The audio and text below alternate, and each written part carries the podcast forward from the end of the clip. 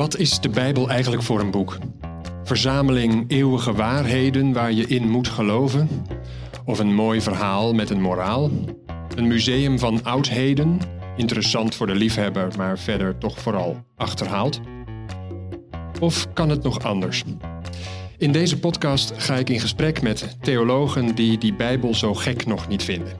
Zij nemen ons mee door een tekst met een frisse, vrolijk, kritische blik en zoomen in op de vraag wat die vreemde tekst nu juist vandaag te zeggen heeft. Mijn naam is Marco Visser, vaste co-host is Rob Itman. Leuk dat je luistert naar de podcast De Nieuwe Bijbelschool. Ja, en vandaag bij ons aan tafel uh, Taco Noorman, ja. uh, hier uit Rotterdam. Uh, heel hartelijk welkom. Dank. Fijn dat je bij ons bent in de podcast. We zijn hier uh, bij jou te gast, Rob, in jouw podcaststudio. Fijn. Thuiswedstrijd voor ons alle drie, hè? Ja, wederom. dat was... Niet gek? Vorige keer ook zo toen we met Ron van Kouwijzer uh, spraken. Oh ja. Dus uh, ik heb uh, zo de gedachte dat we wel langzaam een soort theologische richting zouden kunnen stichten. Die we dan de Rotterdamse school noemen. Kijk. Ja. fijn dat je bij ons bent, Taco. jij bent ehm, predikant geweest in de Laurenskerk. Hier ja. heel centraal in Rotterdam. studentenpredikant en stadsdominee. Ja. Ehm, ja, fijn dat je de Bijbelklas met ons wil doen. Ehm, maar we beginnen altijd toch even met de, ja, de, de vraag naar jou in den beginnen. Uh, nu ben je inmiddels emeritus predikant. Ja, uh, al twaalf jaar. Ja, juist, zelfs al. Hè? Um, maar ja, het is ooit uh, begonnen. Een keer is voor jou het, het vuur van de theologie gaan branden. En daar zijn we altijd wel ook even nieuwsgierig naar in deze podcast. En, um, dus hoe, hoe is dat voor jou gegaan? Waar is het, het vuurtje aangestoken? Ja, het echte vuur, denk ik, is inderdaad pas tijdens mijn studententijd gekomen. Uh, toen ik uh, in contact kwam met ook de persoon van Frans Breukelman. Ik was toen assistent bij professor Van Niftrik. En Breukelman werd medewerker bij Van Niftrik. Een heel verhaal. Maar... En ja, toen werd ik dus eigenlijk ook vanzelf assistent bij Frans Breukelman. Ja. En geregeld geroepen naar Cromenie door zijn vrouw Mijntje. Hm. Als Frans wat in de put zat. En als hij dan maar kon spreken, als, hij dan maar, als er maar iemand was aan wie hij geen dus in kon uitleggen. Dan ja, leefde hij op. Dan leefde hij op. En zo ging dat eigenlijk. Ja, dat, dat dus was dan een beetje jouw dat, taak. Dat, ja. ja. dat was. Gewoon? Want nee, dat, dat, kan je wel zeggen. Ja. Hm. En uh, ja, goed, dan waren natuurlijk ook die zaterdagen colleges en die moesten worden voorbereid. En ook daar moest ik dan, of mocht ik voor naar, naar waar hij woonde, waar zij woonde in Comedy. De prachtige pastorie met die tuin, echt ongelooflijk. Zomerse dagen, dat je dan buiten zat. En over Genesis 1 of Matthäus 2 sprak, weet je wel. Of hij sprak en ja. ik hoorde en zij zo af en toe. Ja. Dus dat waren de onvergetelijke. En ja, daar, daar is denk ik wel mijn, mijn, mijn vuur echt ontstoken. Ja, begrijp het. Maar er is ook iets aan vooraf gegaan. Hoor, want jij bent op een zeker moment op de gedachte gekomen. Misschien ja. de naam Breukelman nog uh, niet bekend. Nee, dat was heel ver weg. Ja. Om toch theologie te gaan doen. Uh, kun je daar nog iets dat over zeggen? Dat komt eigenlijk omdat ik als kind woonde in Hilversum. En daar had je natuurlijk, dat was de omroepstad. En uh, was mijn oudere zusje, die was op een of andere manier, ik weet niet hoe, uh, uh, thuis geraakt bij het zondagshalfuurtje van mevrouw L. Spelberg Stokmans. Ja.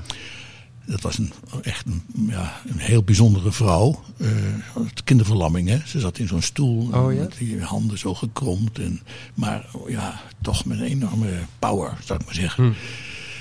En nou, ik kwam daar dus ook bij via mijn zus. En dan was liedjes zingen. En dat werd dan uitgezonden, weet je wel. Dat was een soort kinderprogramma ja, dus? dat was op zondagochtend. Een zondagochtend, ik zou het nog kunnen zingen. Dan is er een half uur voor ons. Als het klokje van tienen weer slaat. De VPRO roept ons dan bij elkaar. Omdat het beginnen weer gaat. Enigszins kreupelrijm. maar goed, dat zongen we dan. En verhaal. En dat was om de twee weken werd dat uitgezonden. En de week daartussen kwamen die kinderen wel om die, die, liedjes te oefenen voor de komende zondag. Maar er moest ook een verhaal worden verteld. En toen ah. ik te oud werd voor die kring, werd ik gevraagd: ja, uh, Taco, wil jij misschien assistent worden van mevrouw Els Spelberg Stokmans? Nou. En toen was je zelf ook nog een kind. Ja, ik zat, op, ik zat op, school, op middelbare school. Ja. Weet je wel. En uh, ik vond dat dus wel mooi. En hebben dat ook gedaan. En, maar er werd vergaderd ook. Dat was bij hen thuis. Boven de studio aan de Schralandse weg. Hm. En eh, ja, als het dan tien uur was, dan kwam dus de man, dominee Spelberg, kwam binnen. Want dan was het genoeg en dan moesten ze zo weer naar bed. En de kinderen moesten naar huis, weet je wel zo. En die man, dit vond ik een geweldige man. Dat, eh, en eh, op een gegeven moment zei die tegen mij, Taco, zou jij geen dominee worden?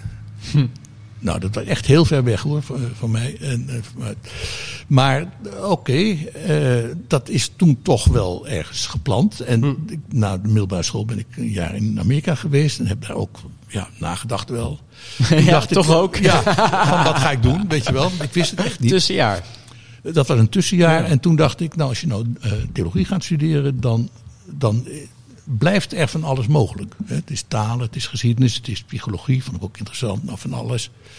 Dus zo ben ik in Amsterdam terechtgekomen. En Ja. ik vond die studie, eigenlijk- studie ook inderdaad interessant. Zo kijkt de studenten vandaag de dag misschien niet altijd naar, naar die studie theologie. Nee. Dat er dan van alles mogelijk blijft.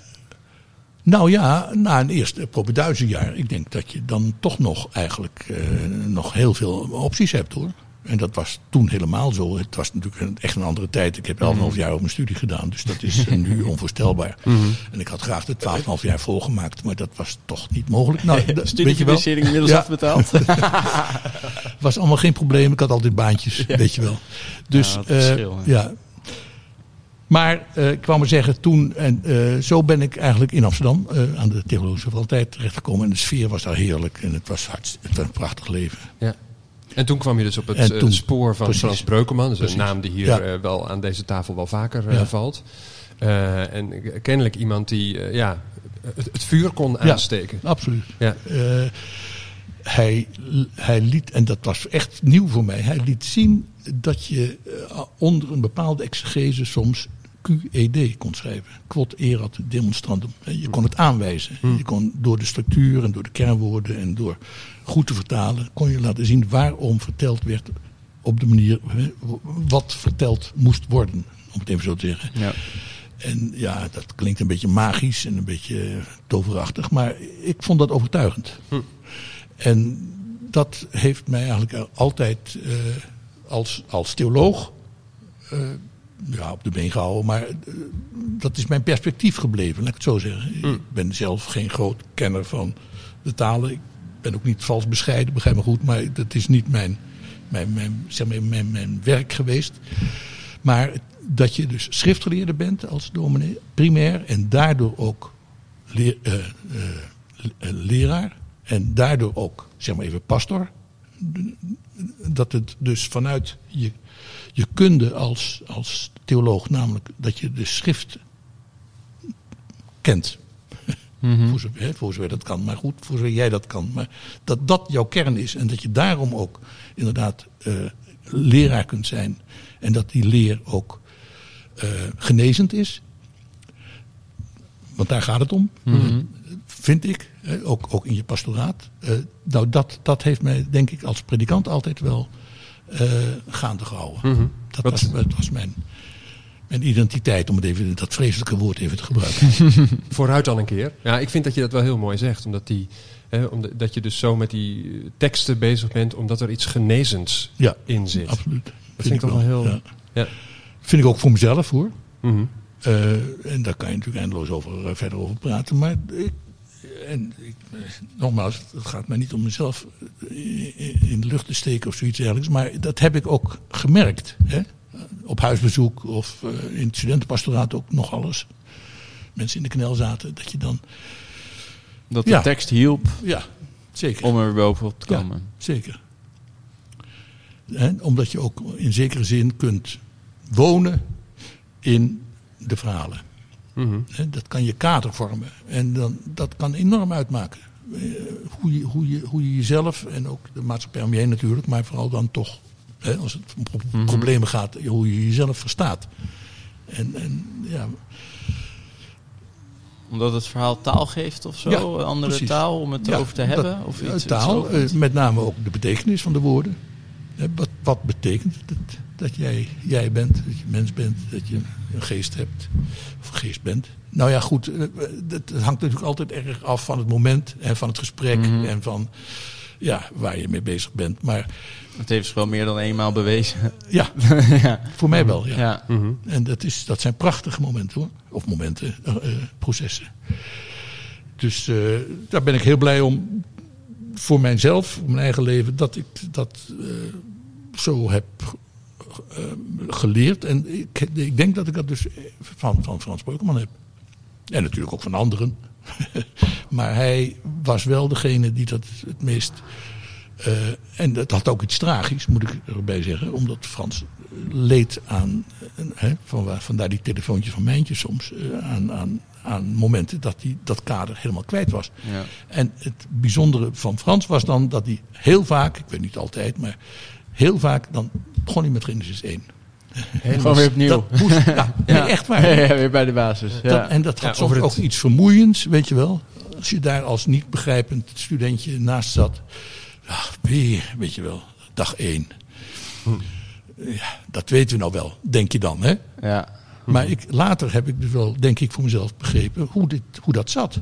Ja, hij moest steeds weer terug naar Ja. dat, ja, wat, Ja. wat ik net ook al, hè, die, die term liet vallen, naar het in den beginnen. Ja, om precies. steeds weer opnieuw te ontdekken, Zeker. waar gaat het Ja. eigenlijk in Ja. de basis eh Waar om. gaat het om en waar woon je? Hè?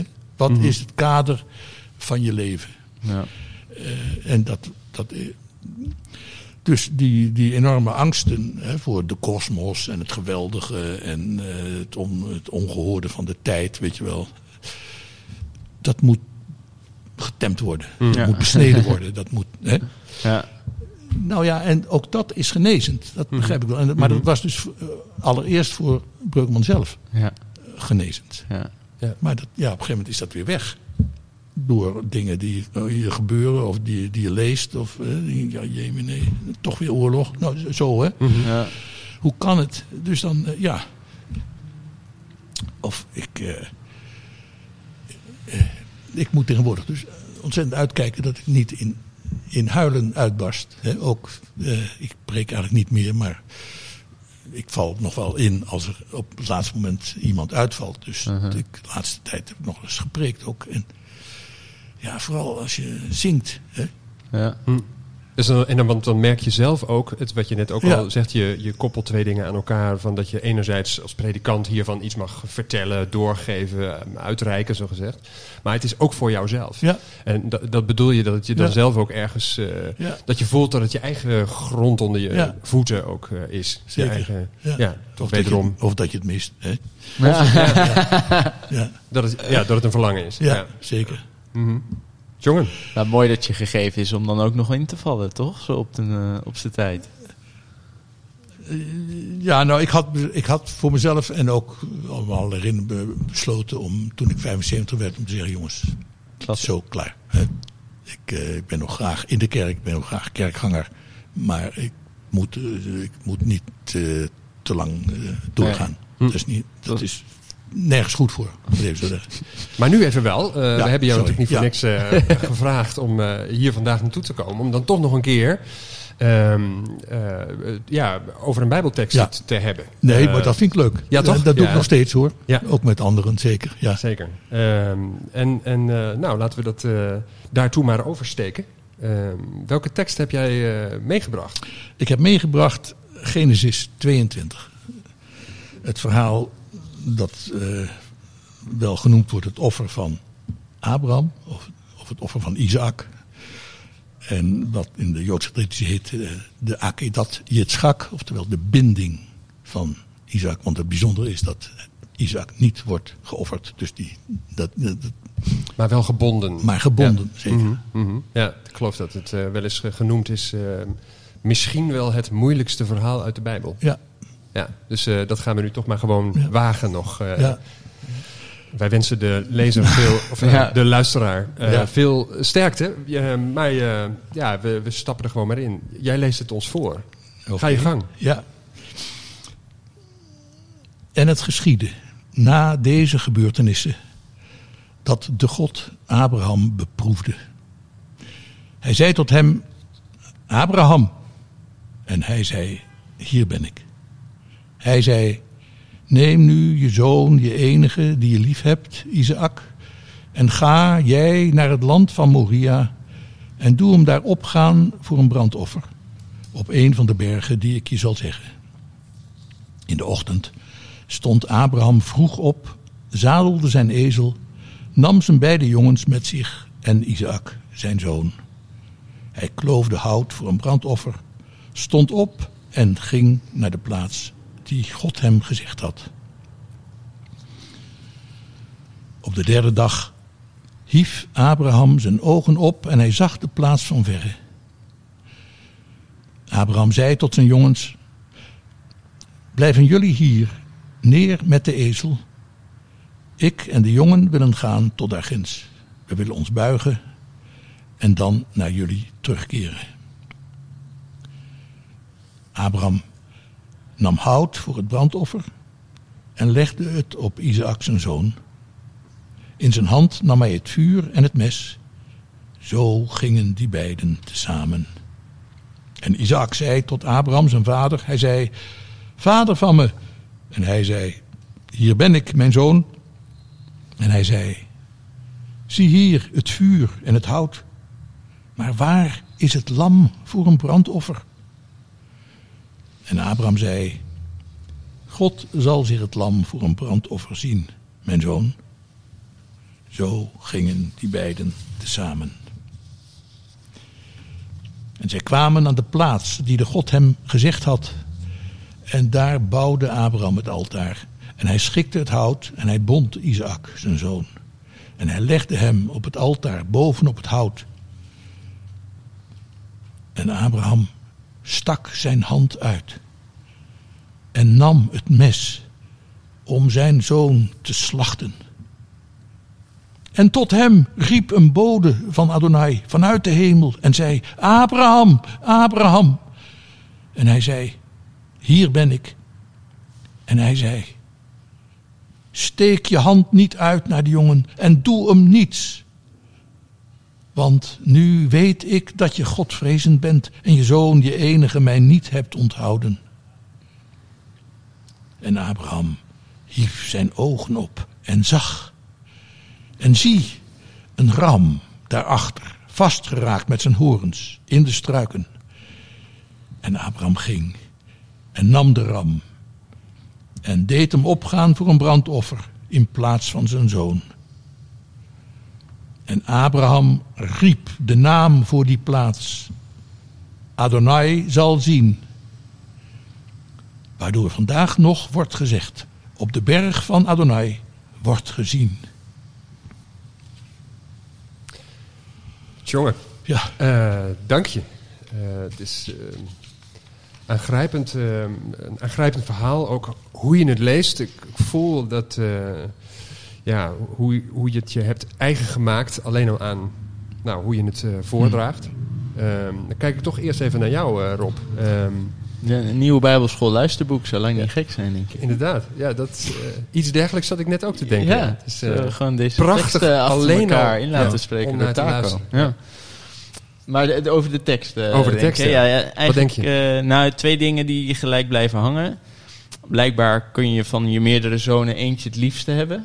Ik heb er één zoontje, die, die heb ik het liefst. Maar ik weet niet als ik meer kinderen zou hebben... of ik dan wel zou kunnen kiezen tussen die Ja. drie. Dat vind ik Ja. een opvallend iets uit de tekst. En eh, ja, toch wat gevoel wat bij mij dan zo komt... Van dat, je toch, dat God die, die Abraham toch wel op de spits laat drijven... door het zover te laten komen dan met die liefste zoon. Hè? Zo van, ja, moet dat nou? Is het nou per se eh, nodig? Dus dat zijn mijn eerste twee eh, ja. Observaties als Ja. ik het zo hoor. Het komt wel echt aan de afgrond te staan. Hè? Dat bedoel je Ja. met, met dat hij het zo ver laat komen. Ja, Dus het gaat toch over een mens, een ja, kind? Het Zo. allerlaatste moment. Ja. ja, Jongen. dat zie je ook vaak in de schilderijen. hè. Dit verhaal is natuurlijk heel vaak eh, afgebeeld, eh, Rembrandt, maar ook allerlei anderen. En dan zie je dat mes, dat moment, eh, Ja, dat het dat valt. moment. Ja, Ja. Dat, is, dat is het moment wat altijd wordt uitgebeeld. Mhm, mhm. ja, Suprem. Het moment suprême. Ja. Ja. zeker. Taco, en jij? Wat, ehm, eh, ja, wa- waar zou je ons op willen wijzen?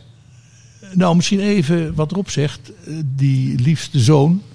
eh, dat is ontzettend aardig in de Joodse uitlegtraditie. Dat ook, eh, dat is vers 2. hè? Ja. Neem nu zoon, die enige die je lief hebt, Isaac.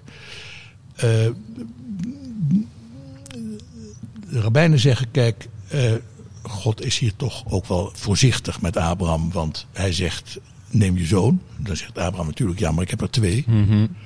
Je enige. Dan zegt Abraham, ja, maar alle twee zijn uniek. De ene is van uh, Hagar, de andere is van Sarah. Dus uh, die je lief hebt. Ja, maar ik heb ze alle twee lief, zegt Abraham dan. En dan tenslotte Isaac. Dan mm. valt de naam. Dus ja. dat is even als reactie op wat je ja. zegt. Hij heeft ze alle twee lief. Maar de naam moet genoemd worden om bij Abraham te weten welke ja. bedoeld wordt. En, zit er, en waarom dan Isaac en niet die ander? Nou ja, omdat uh, Genesis 21, het, het, hoofdstuk wat hieraan vooraf gaat, het hele verhaal van Hagar en uh, Ismaël uh, wordt verteld. Hè? Dus ook dat is in de uitlegtraditie een heel verhaal apart. De, de parallelie tussen Genesis 21 en Genesis 22. En er zijn allerlei schijnbare of, of echte overeenkomsten in de manier waarop Genesis 21 en de manier waarop Genesis 22 verteld wordt. Dus de hele verhouding tussen Hagar, Sarah, Ismaël, uh, Isaac. Ja, dat is een, een thema apart. Ja. Ja, want deze tekst heb ik nu voor me, maar Genesis 21 uh, en 22 helemaal even niet. Nee. Maar Hagar is de, de slavin. Ja. Um, Zeker. En uh, om, omdat er maar geen um, nakomeling is, geen, ja. uh, gaan ze wat, zelf wat uh, aan, de, aan de slag, om het ja. zo te zeggen. Wordt die slavin naar voren geschoven. Ja. en dan wordt Ismaël geboren en dan is Sarah jaloers, weet je wel. En die zegt tegen Abraham, stuur ze weg. En dan nou, gaan ze ook weg. En dan komt ook dus Ismaël bijna om, maar dan vanwege de dorst. Mm. En dan worden de ogen van, hè, dus het zien gaat het ook om. Hè, uh, of het, uh, ja, het, het, dan worden de ogen van Hagar geopend en dan ziet ze dat ze vlak naast een bron zit. Hè, mm -hmm. Zoals. Ja. Dus door de verteller worden wel ook Hagar en Ismaël ook heel ja, Precies. omarmd erbij Precies. gehouden. Maar nu gaat het om die andere zoon, ja. die dan daadwerkelijk wel van Abraham ja. en Sarah is. Precies. Ja. Um, en ja, het hangt aan een zijde draad. Het is, uh... Ja, dat mag je wel zeggen. En de traditie wil dus dat Abraham uh, van God de opdracht krijgt om zijn zoon te offeren. De hoorder van het verhaal weet dat het een beproeving is. Dus dat het uh, gaat om een, zeg maar even, een test. Zoals je ijzer testen. Je legt het in het vuur waardoor het sterker wordt. Mm -hmm. Dus dat is eigenlijk een heel belangrijke uitlegtraditie. Dat Abraham hier geloof leert door deze test. Zijn geloof wordt alleen maar sterker. Dat krijgen we als, als uh, hoorders, als, als lezers van het verhaal, krijgen we dat in zin 1 meteen Precies. al mee. Maar Abraham weet dat niet. Nee, Abraham weet dat niet. En dat vind ik zelf ook dan het moeilijke van deze uitleg. Dat God dan toch, hè, het is een beetje aansluitend bij jouw tweede punt, mm -hmm. dat God dan toch eigenlijk hier een vader zegt, uh, uh, offer je zoon. En dat Abraham dat bijna doet.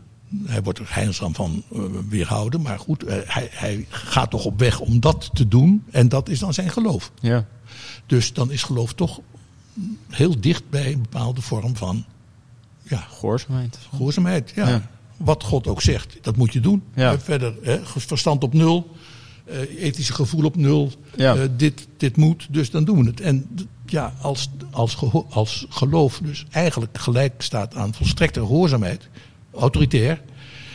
Ja, ik vind dat heel moeilijk. Ik wil, en ik wil problematisch. Dat, en, en, ik wil dat eigenlijk niet. Nee. Dus ik denk dat dat ook uh, erachter zit dat ik zo lang met dit verhaal ook zo af en toe dan uh, bezig ben. Ik, ik, wil niet.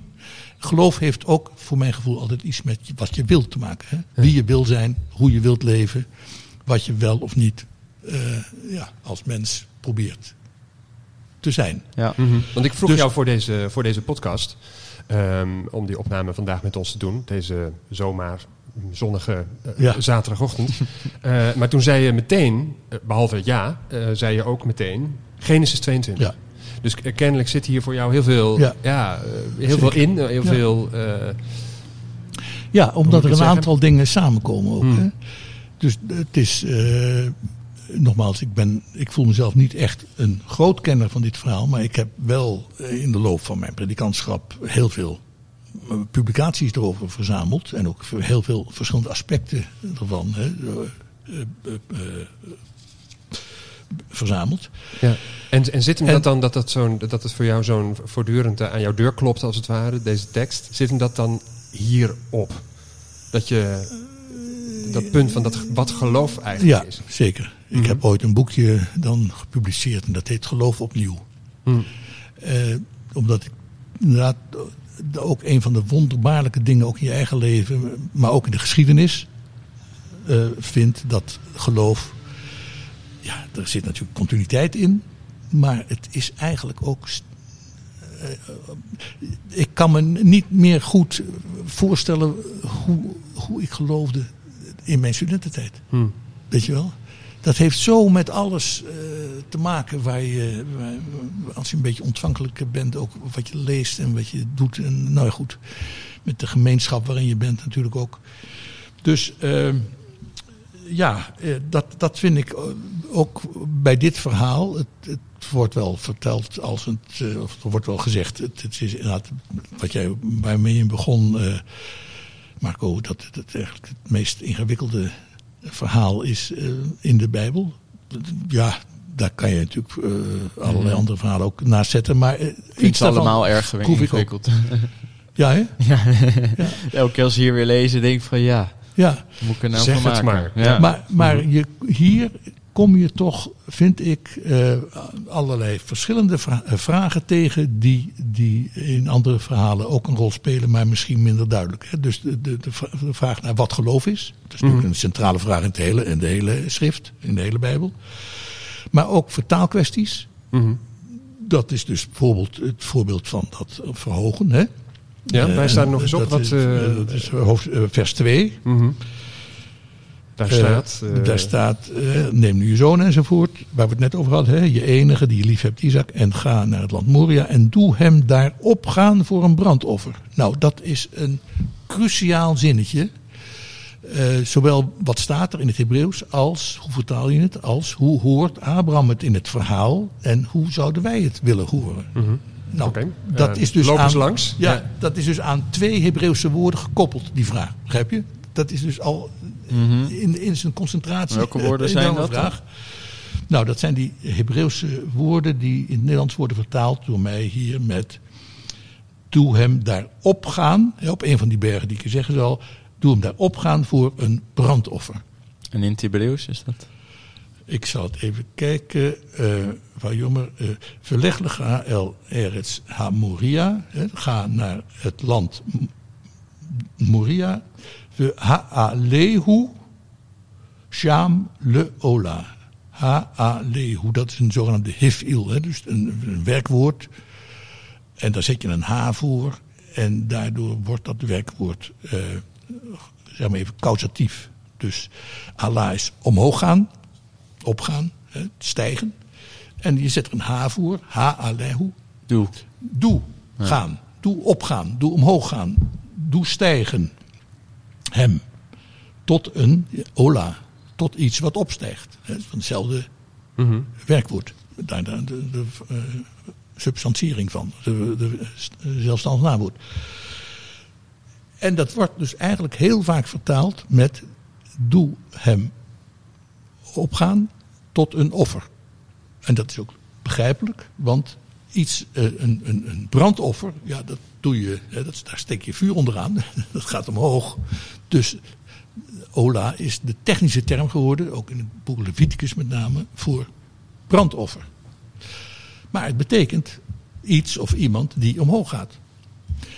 Dus de grote vraag is of je hier letterlijk moet vertalen, zoals bijvoorbeeld Ola, eh, ook verder wel in het boek Genesis. Het wordt gebruikt voor offeren, maar het wordt ook gebruikt. Bijvoorbeeld het bekende verhaal van Jozef die in de put zit, weet je wel.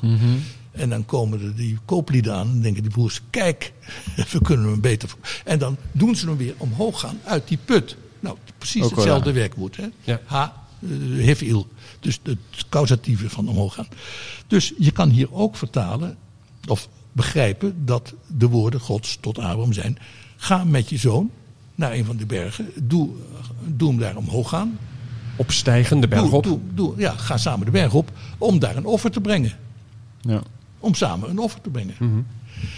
Nou, die mogelijke vertaling, die ook eh, door ik zou zeggen, eh, nogal wat eh, mensen die ik hoog acht als, als echte kenners van Hebreeuws eh, wordt onderschreven, als mogelijke vertaling.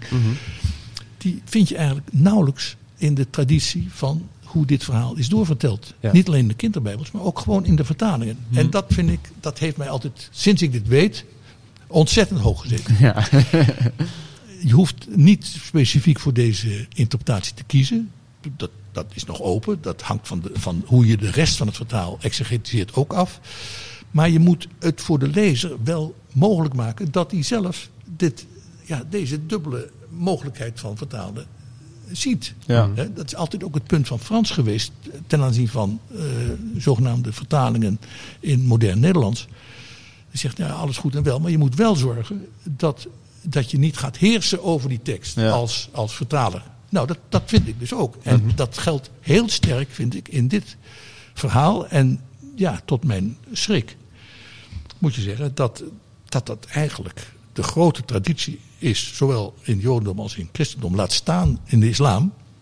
Waar het verhaal in Surah 37 wordt verteld. En je die mogelijkheid helemaal niet meer hebt. Om eh, zo dit verhaal te begrijpen dat het gaat om een misverstand van Abraham. Ja, want er zit dus een openheid in die Ja. opdracht van Precies. eh, God. Ehm, God beproefde Abraham, hij zei. Ja. En, en dan zit er vervolgens een soort openheid in de tekst. Precies, ja. Eh, net zoals er in poëzie Ja. altijd veel wit Precies. tussen de regels is. Je kunt er van alles in horen. Eh, maar die tekst wordt meteen afgesloten als je hem vertaalt met zoiets als offer hem daar. Precies. Ehm, terwijl er, jij zegt van jawel, maar je kunt het ook anders horen. Terwijl tegelijkertijd Abraham wel ook kiest voor ja, die ene ehm, ja, vertaling als het ware. Ja, Omdat Abraham de opdracht ook zo verstaat Ja, dat hij precies. dat, offer dus- moet gaan brengen of niet. Ja, dat is wel zeker.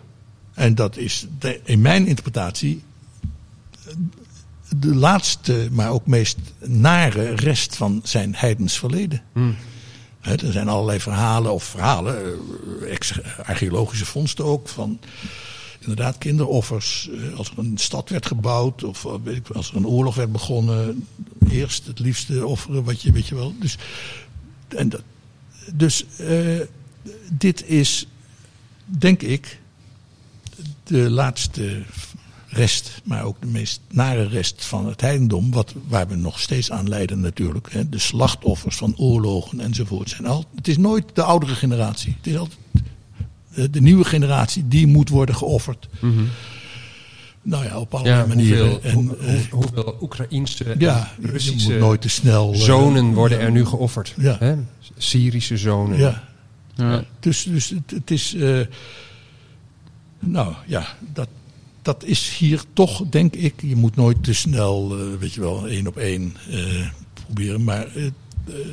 Verbanden leggen. Maar iets daarvan is hier wel aan de offer.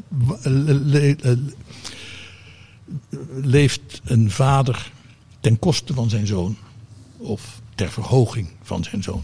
Hè, En wat betekent dat? Dat je dus als nu de generatie, de komende generatie, verhoogt. Dat, dat is in ieder geval een mogelijke exegese ook van dit verhaal. Waarbij dan natuurlijk de vraag komt, maar wat is dan eigenlijk hier in dit verhaal Abrahams geloof? wat is zijn vertrouwen? En dan, ik vind dat er zijn verschillende dingen die je kan, kunt zeggen. Een van de mooiste dingen vind ik ze- zelf, die komt voort eigenlijk uit, de, uit een onderdeel van de structurele benadering van dit verhaal. Dat Abraham tot drie keer toe zegt, hij wordt geroepen. Eerst door God, dan door zijn zoon, dan door de Malach, de bode eh, van, van Adonai, van, van de eeuwige. En dan zegt hij niet anders dan, hier ben ik. Een soort present. Ja, Hier Komt ben ook ik. in andere verhalen voor, toch? zeker. Ja. zeker. Als je geroepen wordt, dan zeg Ja, je, hier ben ik. als het goed is, hier Zeker, ben ik. Zeker. En dat, in mijn interpretatie, om het even zo te zeggen, is dat een heel belangrijk element. Omdat daardoor ook de mogelijkheid is dat Abraham gecorrigeerd wordt. Do- door de bode van Adonai. Het is ook eh, veelzeggend, volgens sommigen, en dat denk ik ook wel, dat er ook wordt gespeeld in dit verhaal met de twee aanduidingen van God, hè? Elohim en Adonai. En dat Elohim degene is die hem beproeft. En dat Adonai degene is, of althans de bode van Adonai degene is die hem van dit onheil eh, afhoudt. Ja, want pas dan klinkt dus die naam. Hè, die, Ja, eh, dat, precies. eh, Adonai, JHWH. Ja. Ja. Ja. En Maar en jij zegt dus eigenlijk, als ik je goed begrijp, eh, dat, dat zeggen op de roep, hier ben ik, dat is dus iets anders dan geloof als gewoon maar ja en amen zeggen. zeker. Het is gehoorzaamheid of kadaverdiscipline. En gewoon maar moeten doen wat God jou nou eenmaal zegt. Ja, dat denk ik vast. En het mooie is dus, nogmaals, dat dus daarmee de mogelijkheid van correctie in dit verhaal heel duidelijk wordt, wordt opengehouden. Hè? Mhm. Ja, dat- Ja, want en er zitten natuurlijk wel andere elementen in. eh, Ook in verband met de vraag wat geloof is. En ook er zitten andere openingen in, zoals jij zegt. Hè? Dus als Abraham tot zijn knechten zegt: Wij zullen aanbidden en terugkeren. Hè? En als Abraham tegen zijn zoon zegt: eh, God zal voor zich het lam zien. hè, Dus de voorzienigheid. eh, Waar je natuurlijk ook een heel verhaal over kunt houden. Wat, wat, wat, wat betekent dat hier in dit verhaal? Ja. En hoe is dat in de latere traditie ook weer geworden tot iets massiefs? Mhm. Want als, als. Abraham dan zegt eh, tegen die knechten of tegen die jongens: Wij zullen eh, ons neerbuigen en terugkeren. Ja. Zegt hij dan daarmee toch eigenlijk niet ook. Eh, Ja. Van ja, we zullen nog wel eens zien. Precies. Of zo. Ja, Er is, daar is zeker. nog, toch nog een soort openheid Zeker. ook bij Ja. hem. Ja. Of misschien een soort stiekem verzet of zo. Of hoe, hoe lees jij dat? Dat verzet weet ik niet. Hmm. Maar wel, eh, ik denk, dat het is, dit is vooral de verteller hè, die dit eh, als, als, als klein moment even laat horen. Van ja, kijk, eh, eh,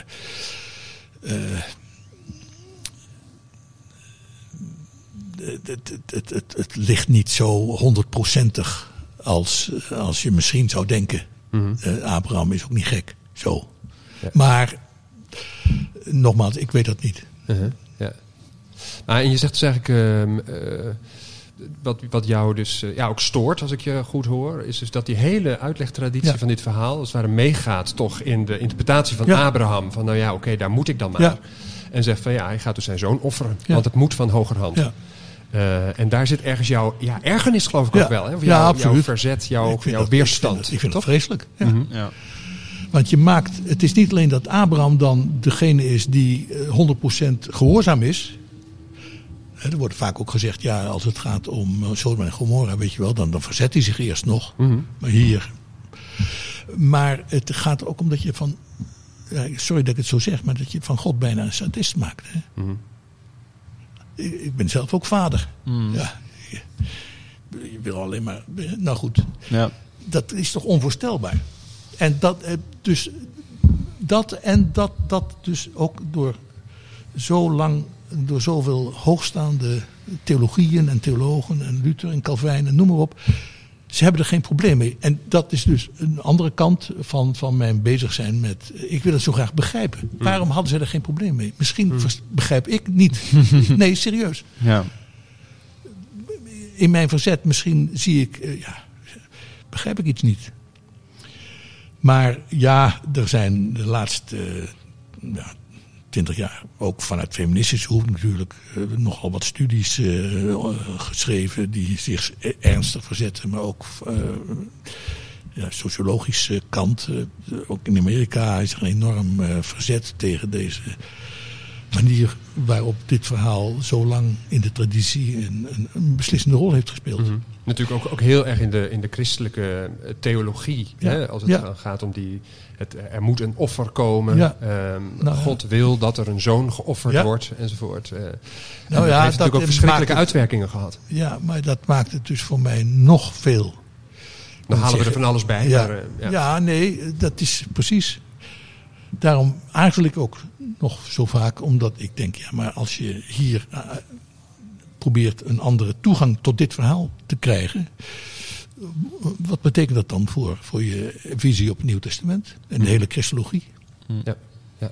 Nou, dat is nogal wat. eh, Ja, daar, daar kan de luisteraar ook even over gaan na- nadenken, denk ik. Ja, ehm, eh, inderdaad gaan we dat vat nu niet openmaken. Eh, maar we hebben het wel even aangeraakt. Eh, we laten dat nu zomaar als een loose end eh, Ja. hangen. dat is het bij mij ook hoor. ja, ik vond toch wel dat ook een heel belangrijk punt dat je naar voren bracht. Of dat, dat sprak me erg aan van de vraag. ehm, eh, leeft de vorige generatie ten koste van Ja. de volgende generatie? Of om die volgende generatie Ja. ja, omhoog te houden? Ja. Hè? Ehm, eh, tot eer te brengen, of hoe Ja, moet ik het zeggen? Precies. hè? Eh, Nee, dat is het. Ja. En eh, nou, dat, eh, nou, dat neem ik mee. Ik, ehm, jij dan, Rob? Ja, zeker weten. Ja, en eh, mooi. Ik, het blijft toch fascinerend dat het verhaal zich op verschillende manieren kan laten lezen. hè. En dat Ja. jij hier al je hele nou ja, zijn met die teksten zo Ja. nu ook hier weer op deze zaterdagochtend kan blijven verwonderen. En, en het weer wat zegt over de wereld van waar we nu dan ook in zitten. Zeker. Ja. Zeer bedankt voor eh, hoe je ons door deze tekst hebt meegenomen en zoveel ja, doorkijkjes hebt gegeven. Ook wel heel veel vragen die gewoon maar zo als vragen blijven staan. Heel veel, zoals gezegd, wit tussen de regels eh, afgetast. Eh, maar zeer bedankt. Graag gedaan. Tot de volgende.